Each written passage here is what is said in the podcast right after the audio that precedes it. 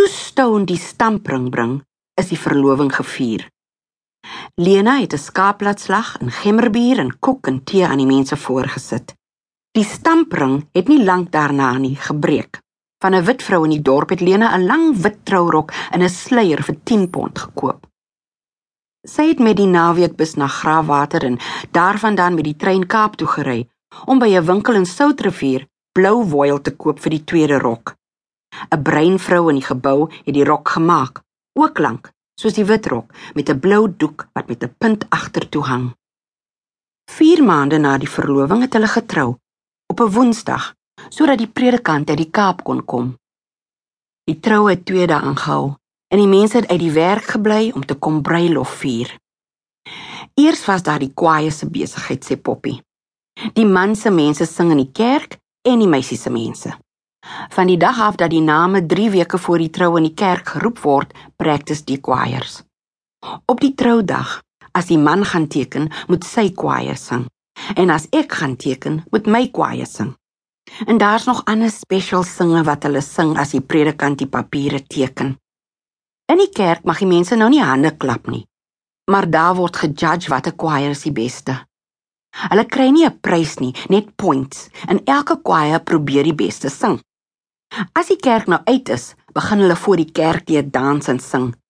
Dan is dit nou 'n hande klappery en 'n dansery en hulle wil nie hê jy moet in 'n kar klim nie. Ongelukkig het dit die dag gereën toe ek trou. Toe moet daar nou 'n kar kom vir die wit rok.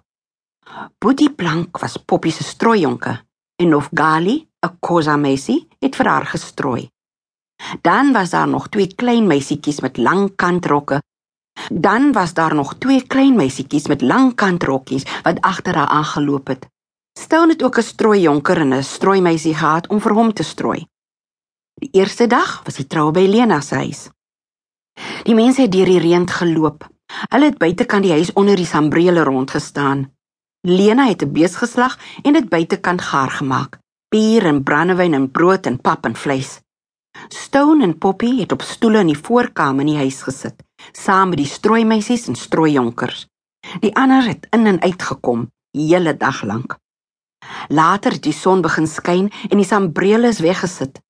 Maar toe dit aand weer begin reën, het niemand omgegee nie, want hulle is warm gemaak deur die bier en die brandewyn.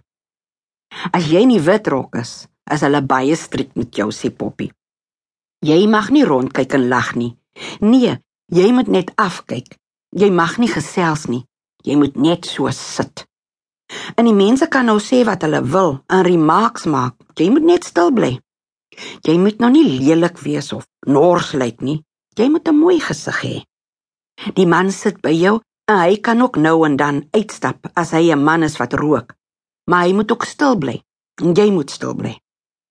Die strooimeisies kan praat. Jy moet sag antwoord as hulle jou iets vra. Die eerste aand na die troue het Stone en sy mense teruggegaan na hulle huis toe. Poppy het in Boetie Plank se huis geslaap. 'n Mamma in Klein Mahesie het by haar gebly. Die tweede dag het hulle haar weer aangetrek in haar wit klere, haar hare gekam en haar reggemaak soos dit die eerste dag was. Sy het deur die venster gesien hoe die mense die straat afkom. Hulle dans dans geloop. Hulle bring Boetie Stone om haar te kom haal. Want die tweede dag is die troue by die skoonmense se huis. Sy Boetie Witboy het 'n skaap en 'n bees geslag, 'n Muriel het die bier gemaak en brood en pap. Die reën was verby en die son het warm geskyn. Die mense wat haar kom haal, het gedans en op die tamboer geslaan. Daar was so baie kos by Boetie Witboy dat die bure dit in hulle huise moes help bære. Poppy het in die vreemde voorhuis op die stoel gesit. Teen die middag het hulle haar kamer toe geneem en die blou voile rok vir haar aangetrek. Toe het sy weer gaan sit. Hulle het vir haar koeldrink gebring, want sy het nie die bier gedrink nie. Boetie Plank het al lank sy plek op die strooijonkerstoel gelos en buite by die drinkers gestaan. Sy kon vir Mosie en Witjie nêrens sien nie.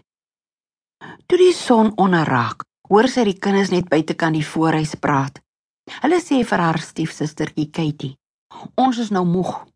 Kom ons gaan huis toe." "Ek gaan nie nou huis toe nie," sê Katie. "Ek wag vir my